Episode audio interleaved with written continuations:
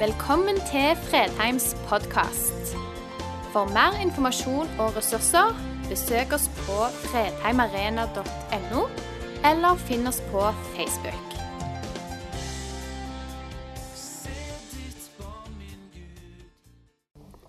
Etter at vi hadde bedt for disse, så tenkte jeg da har jeg enda mer kledd meg for anledningen i dag. Jeg, vet ikke om dere ser, jeg har en ganske fin eh, jakke på meg som jeg kjøpte jeg var i Hongkong.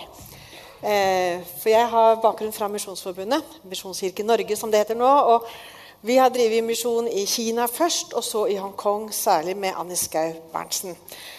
Og jeg fikk lov til å være med på noen jubileer der en gang jeg var med i sentralledelsen. Eh, og Da kjøpte jeg denne jakka, og så tenkte jeg at eh, dette er et tegn på at vi har vært med også vi som bor her i Norge, har vært med å spre evangeliet. Vi har tatt del i det store oppdraget. Og så fortsetter det store oppdraget hvor det er unge som skal dra til Kina nå, fra, med base i Hongkong. Og jeg vet at menighetene i Hongkong også er aktive inn i Kina for å drive misjon. Og så har jeg fanga opp i det siste at akkurat nå så For det har vært det er litt forskjell i Kina. noen områder har det ganske greit. De kan få dele trua si og bygge menigheter og sånn og ha presteseminar og forskjellig. Men nå har det begynt å stramme inn. Sånn at det, eh, det har vært greit mange steder, og så begynner det å strammes inn igjen. Så Kina er et land vi må be for, og de kristne der. Vi har fokus på det store oppdraget. Uh, og med min bakgrunn så har jeg tenkt at det store oppdraget det handler om å dra ut. Og gjøre folk til disipler ute. Og så opplever jeg jo mer og mer at uh, ting i Norge også endrer seg veldig. Og den norske kulturen har endra seg. Sånn at uh, de barn og unge som vokser opp i dag, har ikke den samme kunnskapen om Jesus og Bibelen og bibelfortellingene, sånn som min generasjon har. Og Det har skjedd også en endring på, i holdninger. at det, Nå er det mange sannheter.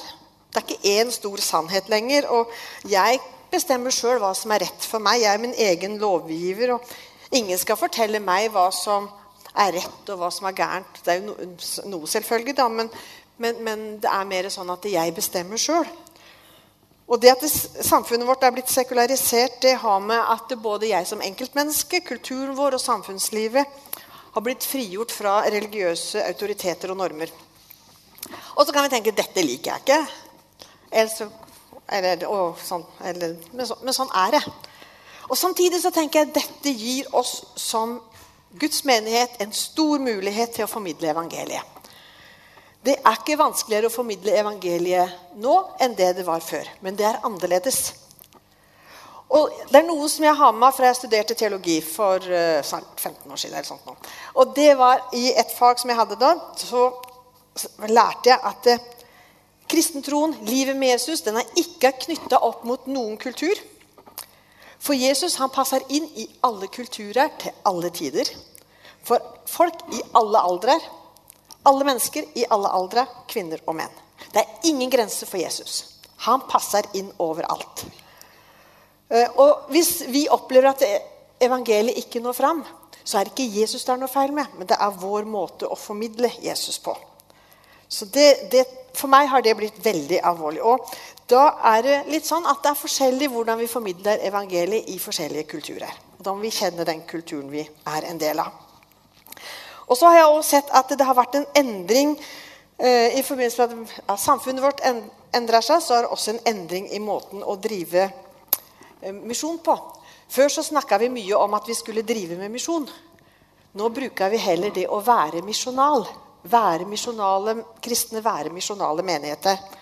For vi har fått et stort oppdrag, og det er å gå ut og gjøre disipler. Og vi skal gjøre Jesu disipler. Og Det som jeg synes er flott, er at eh, kristentroen den er sentrert om en person, om Jesus. Relasjon med han og etterfølgelse av han. Og så er ikke nødvendigvis kobla opp mot masse religiøse skikker og tradisjoner og klesdrakter og sanger og struktur, samfunnsstrukturer og sånn, men, men det er rundt Jesus. Så det som han Oi sann. Det var litt ekkelt på gulvet. skal stå her. Eh, det som er i dag, det er når vi skal formidle Jesus i dag, så er det å leve misjon. Være misjonal. Eh, og Da har jeg gått tilbake til en jeg jobba sammen med, generalsekretæren, tidligere generalsekretær i Misjonsforbundet, Misjonskirken Norge. Jarle Råmundal han sier det så fint. Misjonal er et adjektiv som beskriver måten og holdningen bak alt som Kirken gjør. Misjon er ikke en aktivitet, men den, er, men den drivende kraften er det vi er, den preger, og den holdningen som preger det vi gjør. Å være misjonal har med identitet å gjøre, hva vi er, før det er snakk om det vi gjør. Det sitatet har du på erket arket som du har fått delt ut. Jeg har et sitat til som også står i det arket. Sånn at, jeg syns dette her var så bra. Så det måtte dere få med dere. Det, så Derfor så er det den jeg er, og det vi som fellesskap er, som blir det viktigste når vi skal være med i det store oppdraget. Og Når mennesker søker til kjerke i dag, så spør ikke så veldig mye etter teologi. Og jeg vet at Her inne er det lutheranere, her er det pinsevenner, det er Gammelmisjonsforbundet. Vi er litt forskjellige. Så vi spør ikke etter teologi. Vi spør mest etter hvor er det godt å være, hvor får jeg venner, hvor blir jeg tatt imot. Og Hvis ikke vi blir tatt imot eller får venner, så forsvinner vi og finner et annet sted. Og Derfor er det så viktig eh, Derfor er du og jeg så viktige hvem vi er, og hvordan vi er. Og så er det veldig viktig at vi er forskjellige. Kjempeviktig at ikke vi er like, for vi skal ta imot et mangfold av mennesker. Og da må vi også være, eh, være forskjellige. Og jeg vet ikke om du tenker på det at dette høres litt stress ut. Jeg duger ikke. Og da syns jeg det er så fint at det, i det store oppdraget så er punkt én det er å gå inn mot Jesus. Det er først for oss en bevegelse inn mot Jesus. Først inn til han, og så skal vi gå ut sammen med han. Og så må vi stadig gå inn til Jesus, og så ut igjen. Jesus sa, 'Følg meg'. Kom til meg og følg meg. Og Knut Jørgensen han er vel noe sånn amanuensis eller noe sånt. Noe. Eh, han har skrevet og Dette her står bak på, på det blå erket, det med blått på. Det står sånn Vår evne til å være magneter som trekker andre til Kristus, blir viktig. Derfor må en misjonerende kirke legge Stor vekt på fordypelse, spiritualitet, nærvær, ekthet og livsstil. Vi må altså på en ny måte, som våre brødre og søstre i resten av verden lenge har visst, personlig være bærer av den åndelige virkelighet som vår omverden lengter etter. Før vi farer utad sentrifugalt, må vi, der, må vi derfor søke inn mot sentrum, leve sentripetalt. Først inn, og så ut. Og så tenker jeg det er så flott. Jeg er litt opptatt av det med puls. Ja. Vi, vi skal ut, men vi skal også inn. Vi skal arbeide, og vi skal hvile. Vi skal være i stillhet. Altså det, er en, det er en puls i det å leve som menneske og som kristen. Og Jesus han sier 'kom'. Og alt begynner og slutter med Jesus. Og Jesus han vil ha en veldig stor plass i livet vårt. Alle vi som er her, vil han ha førsteplassen. Og så er det sånn at Jesus han står og venter. Og så er det akkurat som han sier Når har du tid til å komme? Og jeg synes det er litt fint. Jesus han er ingen overgriper som tar, seg, tar plass, som krever. Men han står med en åpen dør. Velkommen når du er klar. Han tråkker ikke inn i våre liv uten at vi åpner opp for ham. Men han står alltid med åpne armer. Og så må vi velge å komme. Og det er her utfordringen, kjenner jeg, er. For det er klart at Hvis vi ikke tar valg, så er det også å velge. For egentlig så velger vi jo om vi velger eller ikke. Og det kan være veldig vanskelig i en travel hverdag å finne tid til stillhet og til Jesus. Og jeg vet ikke om du har Stavanger Aftenblad og leste det som diakonen i Sola, Hans Eskil Vigdel, skrev om stillhet. Hans Eskil er en flott ung mann. Jeg kjenner han fra han var yngre. Og jeg leste det med stor glede. Og han sier det er mye helse i det å være stille. Og så vet jeg det at når Hans Eskil er i stillhet, så har han Jesus med seg inn i stillheten. Og jeg tenker da blir det jo ikke mindre sunt når Jesus er der. Blir det bare enda sunnere å være der. Og så tenkte jeg, Hvor er vi aleine henne? Hvor kan vi være stille og aleine? I bilen? På sykkelen? På bussen? På do? Dere som ikke har barn, er jeg kanskje aleine der. Når vi støvsuger, vasker bilen, går tur. Hvor kan vi være aleine? Hvor kan vi være stille? For vi kan være stille selv om kroppen vår er i bevegelse. Vi må ikke sitte rett opp og ned. For noen er det best å sitte, for andre er det best å være i aktivitet. Jeg husker jeg snakka med ei, hun sa det at når jeg øh, vasker opp Jesus er aldri så nær som da. For jeg, jeg, kroppen min må være i aktivitet, og da får jeg øh, ro og stillhet i, i sinnet. Og så um, John, og West, John, og Charles Wesley, de som starta metodistbevegelsen Det fortelles jo om mora deres. Hun var jo sånn bededame. Hun hadde 19 barn. 10 vokste opp. Så der var det liv på kjøkkenet. tenker jeg. Hun tok forkle over huet, satt midt på kjøkkenet med alle ungene rundt seg. Forkle over huet, Og der visste ungene at nå, ha, nå ber mor. Nå må vi være rolige. Og da gikk hun Hun hadde ikke eget rom å gå inn, men hun tok forkle. Jeg, jeg, jeg, har det et bilde av det. Det er veldig flott. inni huden. Så, så, vi, så, det er det å velge å finne den, den roen. Og så trenger vi å stoppe opp og reflektere litt. Tenke over livet vårt. Hvilke verdier er jeg egentlig har? Hva er viktig for meg i mitt liv? Hva er viktig for vår familie? Hva er, det, hva er det jeg og vi vil med livet vårt? Og så kan vi tenke Viser måten jeg lever på, hvilke verdier jeg har? Lever jeg på en måte som viser hva jeg vil med livet mitt? Og jeg har et sånt, et sånt ord som jeg bruker, at da har jeg styremøte med meg sjøl. Og så var det noen som kommenterte jeg syns du skulle ha med Gud opp på det styremøtet. var Det noen som sa at jeg hadde sagt det. Og Det er klart det at det, det er viktig at vi av og til setter oss ned og så har et styremøte med oss sjøl og Gud. Med oss sjøl og ektefellen. Som familie. Og sier hva, hva, er det vi holder på med? Er, gjør vi nå det som er viktig for oss? Tar vi den tida som, som er viktig for oss, og bruker vi det vi skal? Og, så, og, så, og, og, da er det mye lettere å gjøre noe med det når vi har blitt enige. Og så må vi stadig ha sånne styremøter. For det at eh, livet tar oss. Og så må vi gjøre noen valg, stoppe opp og gjøre noen valg igjen. Og så vet ikke jeg om du er som er til det å uh, sette seg ned og skulle være stille og be og om, om det er mange, Jeg skal ikke ha håndsopprekning, men er det noen som alltid får det til? Jeg tror liksom ikke at alle får det alltid til. Men så hørt, lest, jeg, Enten så har jeg hørt eller lest men jeg bare husker ikke det. Men det var en som sa at hvis du har strevd med bønnelivet ditt, det er et tegn på at du har bedt. Det syns jeg var godt sagt. Hvis du kjenner at du strever med å be, så er det et veldig godt tegn på at du ber. Og så er det godt å vite at når jeg, når jeg prøver å være stille Nå har jeg en veldig fin fin eh, rytme på livet. For jeg er, ikke på jobb før klokka ni. Og når jeg står opp klokka sju, så har jeg god tid. Så jeg har lagd meg en rytme. Og jeg vet at jeg er privilegert som fader. sånn. Ikke har jeg små unger lenger heller. Det var ikke sånn før. Men det å ha en rytme, ha faste, faste tider og, lese og være stille på, det, det, det kan være godt. Og så må rytmen endres, sånn som livet endres.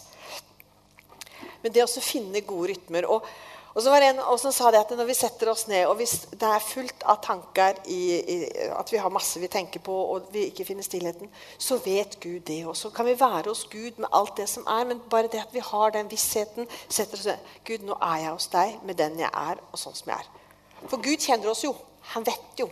Så vi trenger jo ikke å gjøre oss til for Han. Og så kan det være lurt å snakke sammen med andre i familien, i huskjerka, med venner. Åssen gjør du dette? Åssen får du det til? Og så kan vi gi hverandre gode tips. Og så har ikke jeg lyst til å gi noen dårlig samvittighet. For jeg har oppdaget at det beste ja, Det som hindrer meg mest i å sette meg ned og ta tid til å be og lese, det er dårlig samvittighet. Hvis jeg har dårlig samvittighet, så blir det enda vanskeligere enn om jeg ikke har det. Så da har jeg noen punkter. Punkt 1. Du får lov til å legge bort den dårlige samvittigheten. Den kan du bare legge helt fra deg, for den, eh, den er det ikke Jesus som gir deg. Og så er det sett små mål. Ikke tenk at du skal gjøre noe helt voldsomt stort, men små mål i hverdagen. Avhengig av hva. Noen av oss har mye tid, og noen har mindre tid. Men har du lite tid, sett deg små mål, så er det bedre å et, begynne smått og øke enn å begynne stort og det blir fiasko.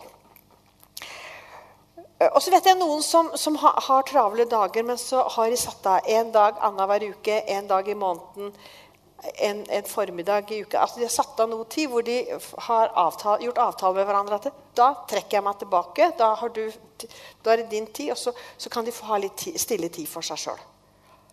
Og så må vi finne ut av hva passa for meg. Og jeg synes det var Alan Hirst han sa det, eh, hadde på sånne, eh, noen punkter. Og han sa det at eh, et av de punktene det var å lytte.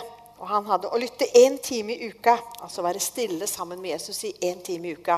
Og det går godt an å dele den opp. Det hadde han som tips. Og han hadde også det at vi skulle lese og lære litt hver dag. Og da var det ikke at vi skulle lese tre kapitler. Det kunne være bare litt.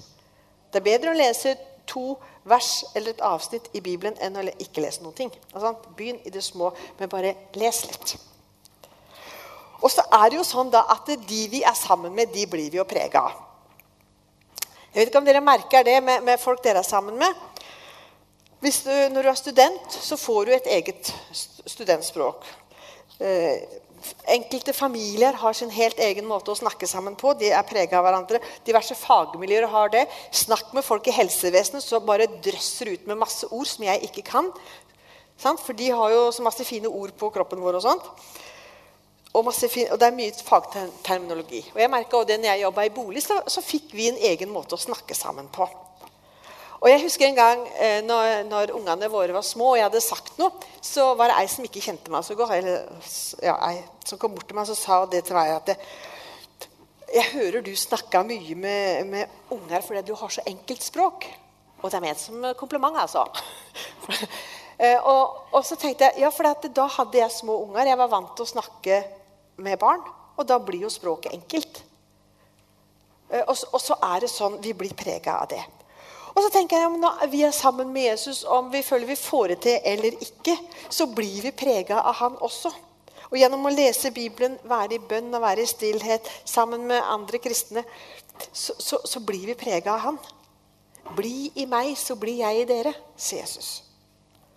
Og det, Da blir jo liksom ikke stress da, at jeg skal gjøre en hel masse for å bli lik han.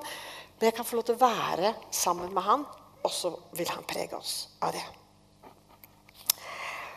Og noe som Nå kommer jeg til å sitere noen av de vi har hatt på besøk i det siste. For det har rett og slett gjort inntrykk.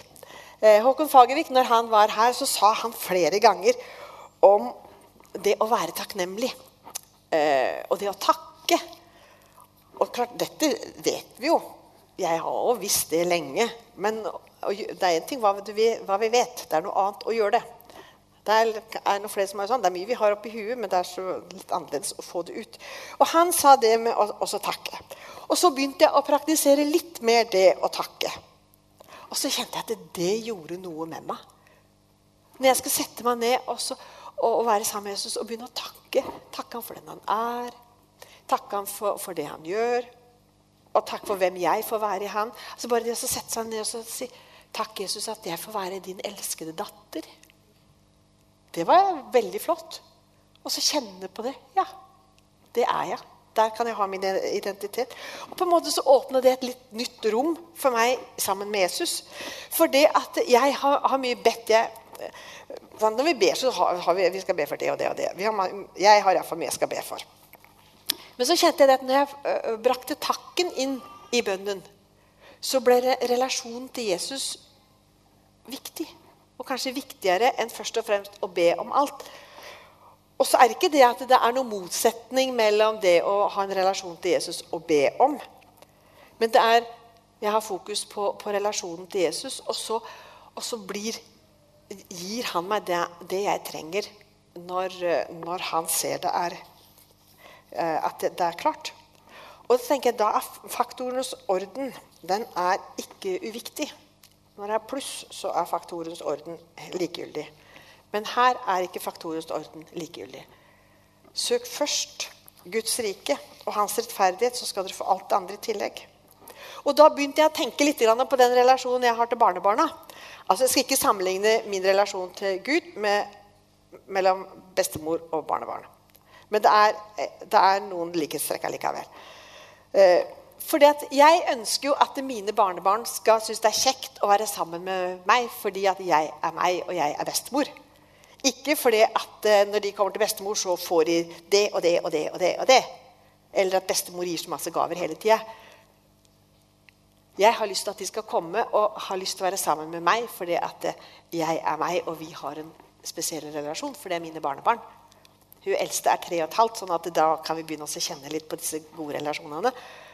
Og så er det jo ikke dermed sagt at ikke de får noen ting. Selvfølgelig får de det de trenger hvis de bor hos oss mat og, uh, sånn, og vi gir de gaver. Og, så det er ikke at ikke vi gir, men det er relasjonen som er det viktige. Og det tenkte jeg, ja, så, sånn er det med relasjoner. Det viktigste er relasjonen. Og så, så i relasjoner så gir vi hverandre det vi trenger. Og det, det kjente jeg det, det, det for meg ble det et godt bilde. Og så vet jeg at det er et haltende bilde. Så det. Men det, det å ha fokus på å takke, det åpna jo også for mye mer. For det, i takken så ligger jo gleden også. Og da tenkte jeg på Filipperne 4,4.: Gled dere i Herren alltid. Igjen vil jeg si gled dere. La alle mennesker få merke at dere er vennlige. Herren er nær. Vær ikke bekymra for noe, men legg alt dere har på hjertet, framfor Gud. Be, kall på ham med takk. Og Guds fred som overgår all forstand, skal bevare deres hjerter og tanker i Kristus Jesus. Og det syns jeg er så flott. Gled dere i Herren. Og den gleden som vi har i Herren, den kan vi ha med oss. Også når livet er tungt. Fordi den er basert på hvem Jesus er, og den relasjonen vi har.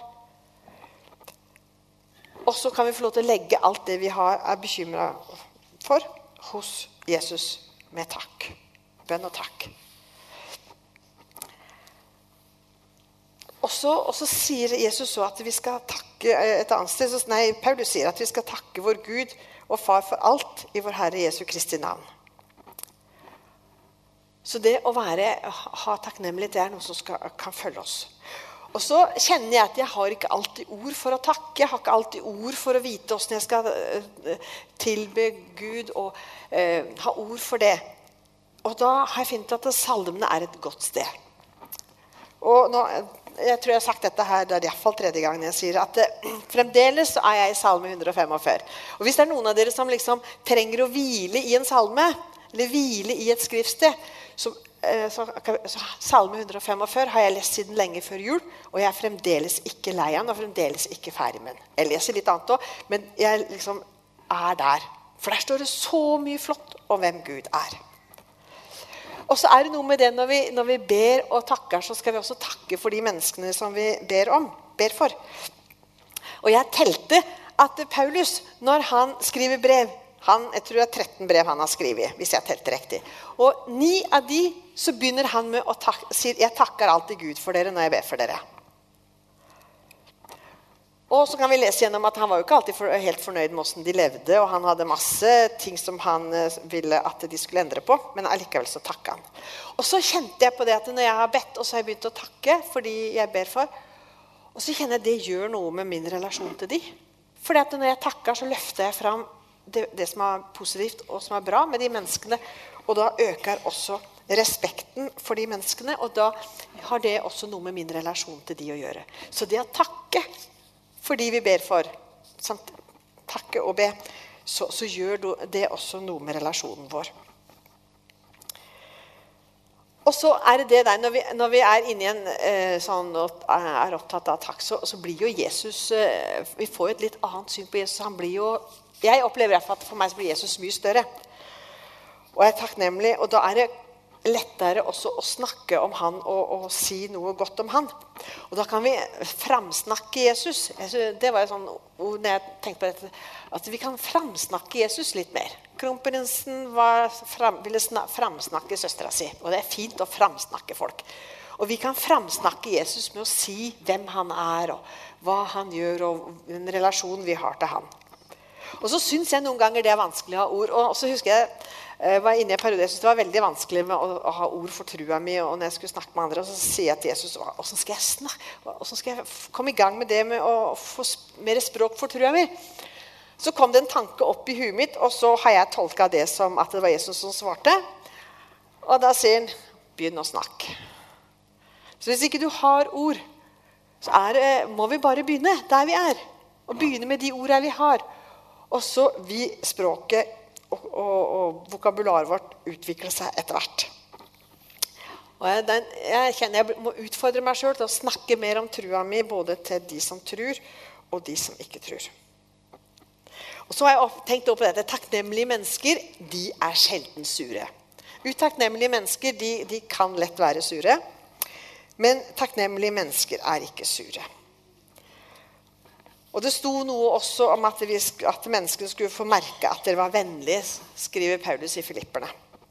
Og I, i Galaterne 5,22, når det er snakk om åndens frukt, så er vennlighet et av de ordene der. sånn. For takknemlige mennesker har mye vennlighet med seg òg. Og Kan du tenke, noe, tenke, deg noe bedre enn å møte et vennlig menneske? Det er nesten som balsam.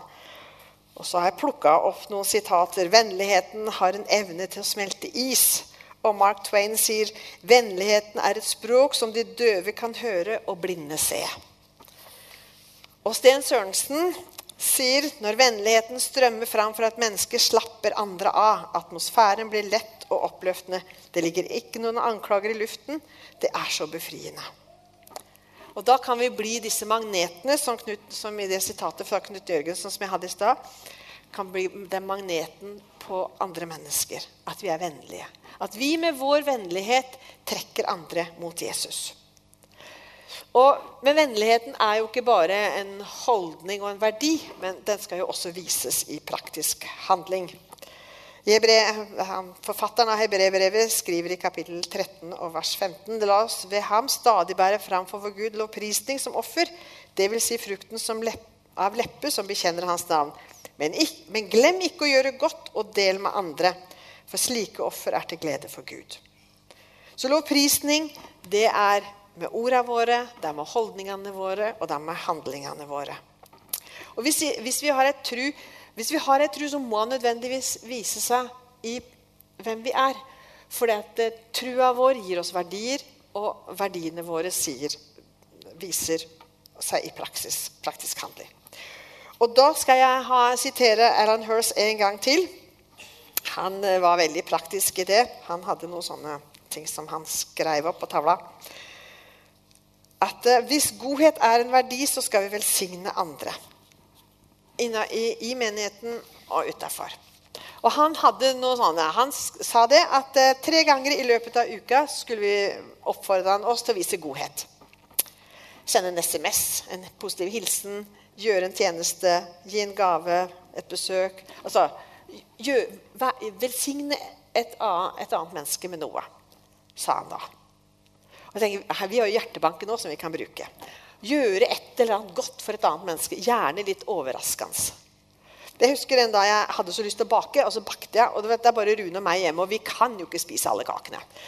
Og så har vi mye småbarnsfamilier rundt oss, og så gikk jeg opp til en familie og så spurte om de ville ha en kake en sånn prinsessekake. Lunka prinsessekake. Det er ikke ringt.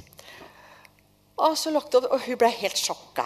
Men det var jo så gøy å overraske noen med kake. Men det var jo fordi jeg hadde bare så lyst til å bake. og så ble det for mye. Men, men litt det, der, det er noe som jeg kan gjøre. For andre er det helt stress å gjøre det. Men, men de er gode på andre ting. Men finn måter som du kan være med og velsigne de som er rundt deg. Og bruk hjertebanken. Og så ha fokus på hva liker du å gjøre, hva er du god på. For når vi gjør ting vi liker å gjøre, så blir det best. Også, og hvis vi skal være veldig sånn at vi skal tre ganger i uka, så må vi kanskje planlegge før det blir en uh, vane. Men, men, det kan vi ta på styremøtet. Sant? Om vi skal ha én eller to eller tre eller fem. Så, så det er veldig kjekt. Og Han snakka også om det å vise gjestfrihet, hvis det er en, en verdi. Og Det er en viktig verdi i Guds menighet at vi er gjestfrie. Og Han sa at vi eh, utfordra oss til å ha tre ganger i uka spise sammen med noen andre. Jeg tenkte, Å, det var stress. Tenk å ha gjester tre ganger i uka. Men, men, vi trenger jo ikke nødvendigvis også ha liksom, eh, full middag og dessert treretters. Det går an bare på noe knekkebrød. Hebreerne står det sånn i kapittel 13.: Glem ikke å være gjestfri. På den måten har noen hatt engler som gjester uten å vite det. Men det å være gjestfri, det å åpne hjertet sitt, hjemmet sitt for andre, tror jeg er en veldig rikdom. Og det å sitte rundt et bord med nære venner, med nye venner, med fremmede, det, det er med og åpner opp. Vi sier ofte, mye, vi snakker akkurat om det, det, det er mye følelser i mat, men det er også mange gode følelser i mat. Det å sitte rundt et bord Ei vanlig skjeve med brunost smaker jo kjempegodt hvis vi sitter sammen med gode venner. Sant? Han er litt tørr hvis vi er aleine, men sammen med andre så er det jo veldig godt. Og dette heller kommer ikke av seg sjøl. Og, og, Rune, vi har av og til satt oss ned og sagt nå er det på tide å være litt mer gjestfri. Og så har vi laga lister, og så har vi gjort litt med det. Det for, for, for, for, livet bare går. Og hvis ikke vi tar tak i altså, Vi sier at det, tida går, men egentlig så kommer tida til oss. Men vi må ta imot den tida, og så må vi legge, legge inn eh, eh ting i den tida. Nå høres det ut som vi gjør veldig masse, men vi gjør ikke det. altså. Men det er jo, Jeg har ikke så mange historier fra andre. Men det var en dag vi skulle til gudstjeneste, og så hadde jeg satt ei steik i ovnen. Så den var litt stor. Kanskje vi skulle be med oss noen igjen på middag? til når vi gikk. Ja, så ble jeg at Hvis vi ble pratende med noen etterpå, så skulle vi invitere det. De. Og så sto vi og snakket med noen etterpå, og så sier jeg har dere lyst til å komme på middag. Jeg må bare koke potetene først, men resten er klart. Og hun ble jo helt sjokka, nesten. Og det var bare så gøy. Og dette var folk som vi, ikke, vi var en av de første gangene vi snakket med, men vi hadde litt sånn uh, felles kjente. Og vi hadde det så koselig. Det var så kjekt. Og de var kjempelenge hos oss, og vi prata og fikk veldig god kontakt. Og det, å, jeg kjenner jeg blir glad fremdeles bare av å tenke på det. Og det, det var liksom bare det var å ta, ta, en bestemmelse. For det hender vi har litt mer kjøtt eller fisk eller noen flere poteter. Så, det går an. Men jeg må bare være bevisst, og så må en gjøre det. Så det, så det å, å, å, gi, være, å velsigne og, og, og, invitere, det kan jo bare bli kjekt. Flott, du er enig, Eivind. Og så går det an når vi holder på med dette, og så sier Jesus, hvem er det som trenger å få en oppmuntring nå? Hvem er det som trenger å få en invitasjon? Så kan det hende han hvisker et navn, eller du kommer på noen. Og så er det viktig at vi er lydige og går på det. For handling skaper en ny måte å tenke på, sa Alan Hirst. Skal vi få, få tanke, snudd om tankene våre, så må vi også handle. Det må være, for vi henger sammen. Kropp og sjel og ånd. Alt henger sammen. Så vi må gjøre, så får vi tankene også. Så når vi er med i det store oppdraget, så er det først et kall inn til Jesus. Kom til meg. Følg meg. Og når vi lar det, den relasjonen da være prega av takknemlighet, av takk og tilbedelse, så får det konsekvenser for våre liv og for de vi møter. Og så har jeg lyst til å utfordre dere både som enkeltpersoner og som familie og huskjerker og der vi er, de vi er sammen med. Reflektere over, over livet, over verdier. Og kjenne etter lever jeg virkelig etter de verdiene jeg har. Må jeg si ja til noe? Hvis jeg sier ja til noe, så må jeg kanskje si nei til noe annet. Men da er kanskje ja så viktig at det er verdt det. Og så trenger vi og så, er det noen gjerne som sitter her og tenker at livet er så utfordrende at det, det der makter jeg ikke. Og det er helt greit. For av og til er livet tøft. Av og til så, vi, så, så, så, er det noe som skjer som gjør at vi har mer enn nok med å ha huet over vann. Og da trenger vi å være der og hjelpe hverandre og støtte hverandre. Og være med og bære byrdene som Jesus har sagt at vi skal gjøre. Kanskje få hjelp til å sortere litt. da og, og få litt oppmuntring her. Men Jesus han står hele tida og venter på oss. Om vi er fulle av energi, eller om vi sliter, om vi er i sorg, eller om vi har mange, uh, har mange ting. Så sier Jesus, 'Kom til meg, alle dere som strever og bærer tunge byrder. Jeg vil gi dere hvile.' Og når vi har fått hvilen hos Han, så skal vi ta, ta Hans åk på oss, og så skal vi lære av Han. Vi kan få lov til å gå i åk med Jesus en, Det er sånn som de hadde på, på, på oksene. To okser ved siden av hverandre med hvert sitt åk. Så skal vi gå sammen med Jesus har det ene åket, og vi har det andre åket. Så kan vi gå sammen med han. Så skal vi få lov til å lære av han. For han er mild og ydmyk av hjerte. Så skal du finne hvile for sjelene. For mitt åk er godt, og min byrde er lett.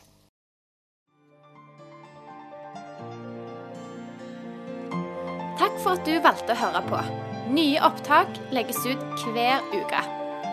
Vi har gudstjenester hver helg, og du er hjertelig velkommen.